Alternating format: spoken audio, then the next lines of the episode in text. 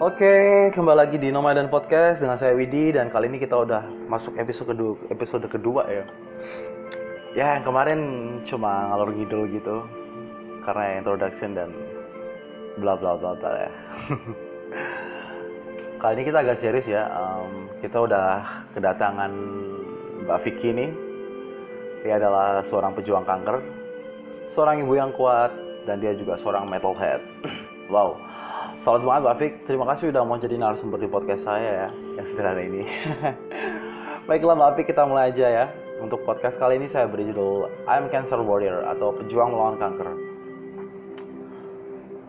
Uh, Mbak Fik bisa nggak sih cerita pertama kali waktu difonis kanker itu gejalanya itu seperti apa dan uh, bagaimana perasaan Mbak Fik ketika menerima berita tersebut gitu? Pasti banyak dari pendengar ini yang ingin tahu gitu tentang hal itu. Karena banyak orang di luar sana tuh yang masih awam banget ya mengenai apa pengetahuan tentang kanker itu sendiri gitu. Monggo silakan dijawab Mbak Fik terima kasih. Jadi dulu pas ketahuan itu waktu lagi kerja di Indofood itu tahun 2018 kalau nggak salah waktu itu cuma ada benjolan aja sih jadi nggak kepikiran mau periksa atau apa. Soalnya nggak ngerasa ada sakit gimana gimana kan. Tapi temen di kantor ada yang bilang udah dicek aja gitu. Takutnya kanker atau gimana? Ya udah kan nurut gitu. Ya udah kita periksa ke rumah sakit di biopsi dioperasi gitu. Kita pertama tuh ketemu sama dokter penyakit dalam habis itu baru dirujuk ke dokter bedah umum. Nah dari situ kita cek berapa kali akhirnya disuruh biopsi tuh disuruh operasi. Ya udah nurut dong. Biopsi itu kayak pengangkatan benjolan gitu loh. Yang habis itu hasilnya kita kasih ke rumah sakit rujukan. Waktu itu di rumah sakit Polri Jakarta Timur. Terus dari situ nggak langsung ketahuan tuh masih dioper rumah sakit sana sini. Cuma dikasih taunya udah operasi aja angkat payudara aja ya nggak terima dong. Akhirnya kita ke rumah sakit dekat rumah.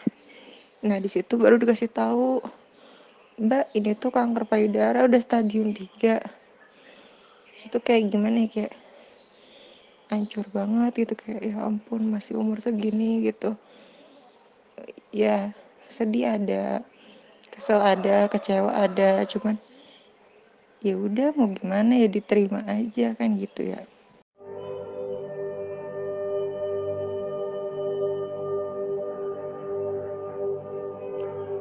Oh gitu ya Mbak ya, iya Mbak saya paham perasaannya Mbak pasti sedih dan kecewa ya Mbak. Stay strong Mbak Fik, I feel you. Syukur ya Mbak sudah jalannya pasti Mbak. Semoga anaknya Mbak Fik juga sehat selalu. Amin dan sekarang ini kan lagi masa pandemi kayak gini ya. Ini Mbak ini apakah masih rutin gitu menjalankan kemoterapi gitu? Dan yang saya penasaran sih, terus ada nggak sih after effect-nya dari kemoterapi itu? Terima kasih. Monggo Mbak. sekarang kanker yang diderita itu kanker payudara sama paru-paru soalnya sebenarnya kanker itu kan gak boleh hamil dulu ya. Jadi kita hormonnya tuh harusnya nggak sub, subur gitu. Harusnya nggak boleh hamil dulu. Cuma namanya Tuhan udah kasih kita rezeki. Ya mau gimana waktu ke rumah sakit tuh sempat mau gugurin karena anjuran dokter kan mau kemo. Itu nggak bisa. Soalnya selalu ketemu dengan orang yang lagi program hamil jadi di situ rasanya gimana ya, ya ampun ditegur banget. Jadi ya udahlah mau nggak mau ya udah pertahanin anak ini gitu. Jadi waktu itu sempat dikasih pilihan mau bertahan untuk anak atau untuk sendiri gitu. Cuman ya wallahu alam ya udah deh. Akhirnya alhamdulillah selamat dua-duanya. Terus lagi pandemi gini masih rutin menjalankan kemo ya masih cuman sekarang udah kelar sih tapi belum cek CT scan, PET scan dan lain-lainnya. Efek efek dari kemo tuh parah banget ya maksudnya. Yang nggak boleh takut juga sih. Emang parah banget ke tulang, ke badan nyeri-nyeri, ke makan semuanya deh. Ya ini buka-bukaan aja ya, tapi tergantung orang-orangnya, beda-beda orang. Efeknya pun beda-beda gitu. Wow, saya baru tahu mbak ada efek yang segitu signifikannya ya mbak ya. Ini baru tahu banget mbak. Wah, kuat soalnya mbak. Tuh banyak tuh kemarin uh, ada pertanyaan-pertanyaan juga. Uh, bener nggak sih mbak kalau kanker itu tuh ada faktor genetiknya kayak gitu?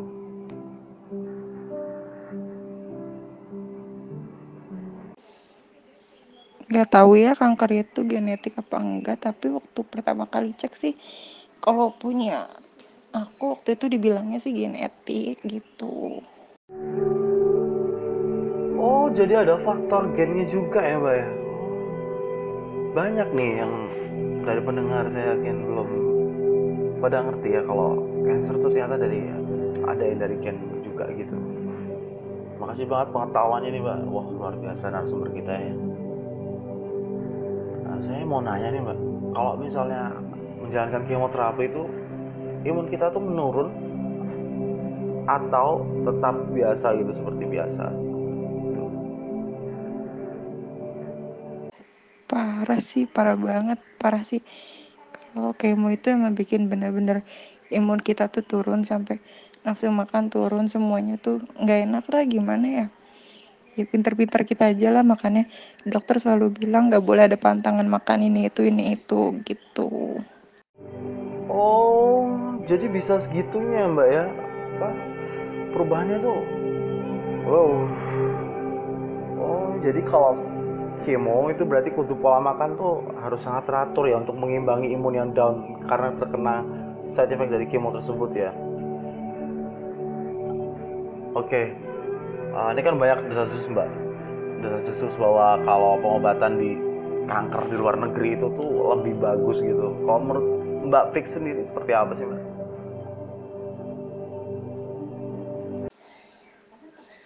katanya sih gitu kalau di luar negeri itu pengobatan kankernya lebih bagus cuman ya gimana ya namanya kita orang biasa kan ya udahlah yang ada di Jakarta kita ikutin dulu tapi kalau aku sih kalau alternatif tetap jalanin ya tapi alternatifnya bukan herbal gitu loh kayak semacam pijit itu kalau kalau kayak herbal gitu nggak berani deh takut kecampur sama obatnya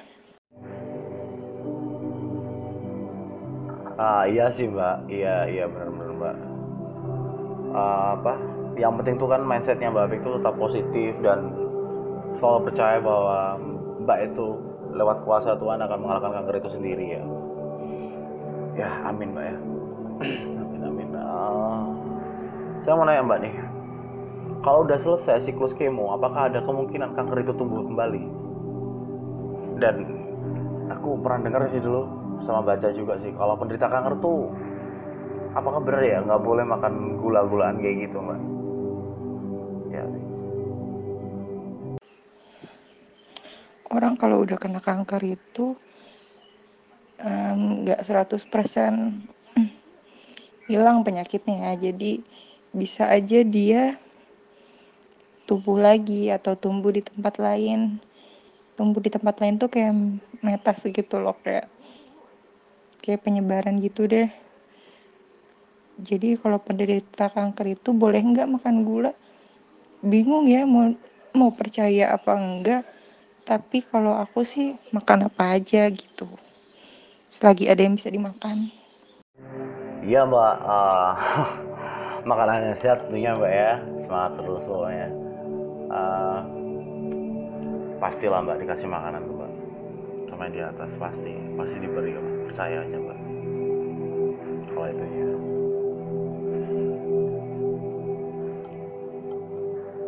Mbak, saya mau nanya nih mbak, kalau ah, jarum kemo itu sebenarnya lebih besar atau lebih besar daripada jarum infus biasa atau kayak seperti infus itu sih mbak? Hmm, soalnya saya selalu mengawang-awang gitu kayak gitu.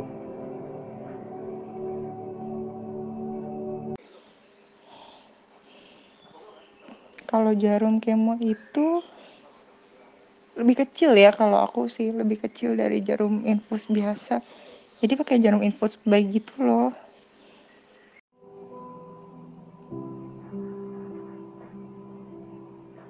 Oh gitu ya mbak ya? Aduh baru tahu saya mbak. Saya pikir tuh jarumnya malah lebih besar gitu. Ternyata oh kebalikannya malah ya. Hmm. oh mbak sampai saat ini bagaimana mbak support dari keluarga gitu dan teman terdekat mbak Fik saat mereka tahu bahwa mbak Fik ini difonis cancer gitu. Monggo silakan waktunya.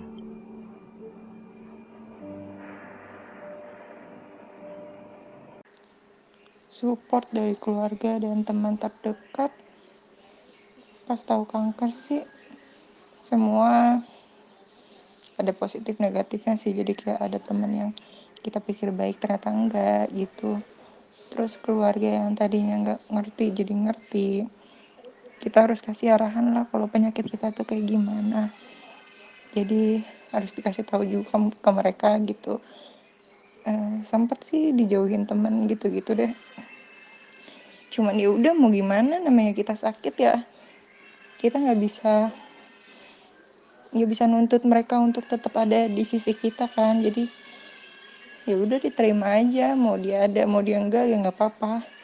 Yang pasti satu keluarga itu nggak bakal ninggalin kita itu aja.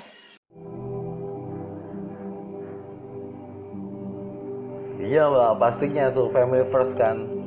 Sehat selalu buat keluarganya mbak Fik ya dan teman-teman yang selalu support mbak Fiknya ya. Mbak bener. Kita tuh nggak pernah bisa tuh memaksakan orang untuk tetap berada di sisi kita. Kayak ibarat tuh kata-kata if you want to come in my life the door is open. If you want to out the door is also open. Just do me a favor. Don't stand in the door when you're blocking traffic. Enggak sih mbak cuma intermezzo aja sih. In the end ya tetap percaya pada diri sendiri itu tuh adalah solusi dari semua itu sih ya. Karena diri kita yang bisa menemani kita sampai akhir tuh love yourself first mbak. It's not a selfish it's a self care mbak. Mbak aku nih, ini pertanyaan yang agak ringan sih ya. Nggak ringan juga sih sebenarnya. Sebenarnya apakah lifestyle yang Mbak tuh berubah? Apakah setelah uh, ini semua gitu Mbak?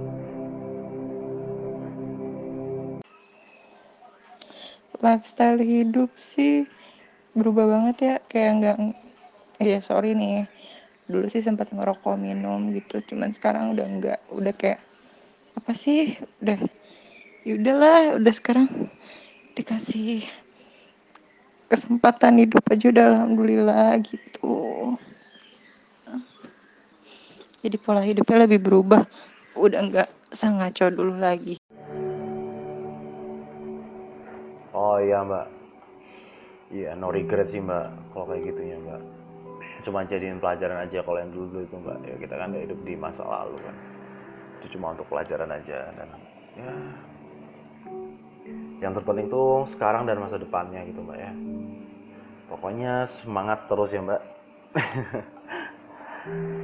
Gini mbak kemarin tuh kan Saya lihat tuh mbak Mbak Fik tuh punya usaha jajanan gitu namanya Jajanan Begundul kan ya. Terus Mbak Fik tuh juga ngebantu gitu penderita kanker lainnya dengan cara berjualan snack ini dan membagikan hasilnya gitu. Setengah ya kalau nggak salah ya setengah atau berapa gitu. Uh, membagikan hasilnya untuk ke penderita kanker yang lain gitu. Itu keren banget mbak. Yang saya penasaran di sini tuh idenya tuh pertama kali mbak Fik untuk membuat usaha seperti ini dan menyalurkan bantuan tuh gimana tuh prosesnya mbak ya kalau boleh saya tahu?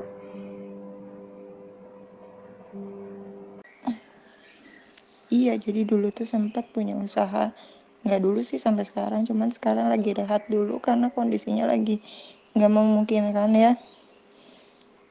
Saya punya dagangan gitu yang setengah hasilnya itu di enggak setengah ya sebagian hasilnya itu kita donasiin ke teman-teman penderita kanker lainnya. Jadi emang untungnya nggak seberapa tapi ya mudah-mudahan aja bisa membantu banyak orang kan gitu. Ya hidup di dunia ini apa sih? Kita dulu pernah punya dosa apa? Kita punya salah apa kita ini orang pilihan. Hidup kita nggak tahu sampai kapan. Jadi ya berbuat baik aja lah sama orang gitu. Kurang-kurangin lah jahatnya kalau bisa. Wow wow wow wow.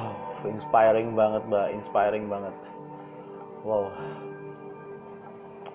Saya belum pernah berpikir sampai segitu mbak ya. Iya bener mbak kan kita tuh hidup di dunia ini nggak tahu ya sampai kapan seharusnya tuh kita tuh sadar gitu ya hal ini nih. Dan mulai merubah mindset kita kan.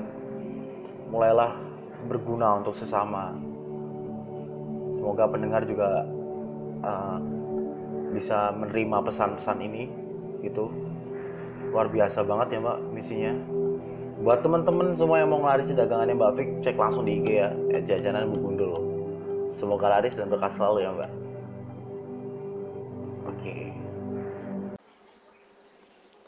pesan saya untuk pejuang lainnya kalian jangan takut sendirian. Karena kita semua ada untuk kalian. Kalian tuh pokoknya nggak sendirian. Ingat percaya sama Tuhan percaya sama keluarga. Karena keluarga nggak akan pernah ninggalin kalian itu aja. Teman pasti bakal ada yang pergi ada yang datang itu udah siklus biasa ya. Kalian harus tetap kuat karena kalau kalian gak kuat siapa yang bakal nguatin kalian? Keluarga pun kalau ngeliat semangat kalian ada pasti bakal ikut nguatin juga kok gitu. Pokoknya semangat sembuh. Walaupun katanya kanker gak ada obatnya tapi obatnya itu di diri kita sendiri sama di Tuhan itu aja ya ini tiba nih mbak. Kita udah di last question ya. Ya. Apa sih mbak pesannya mbak untuk para pejuang kanker yang lainnya mbak?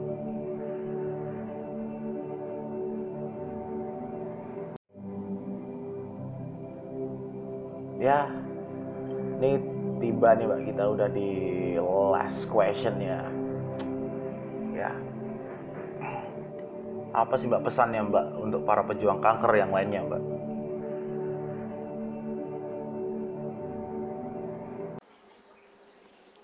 Pesan saya untuk pejuang lainnya kalian jangan takut sendirian.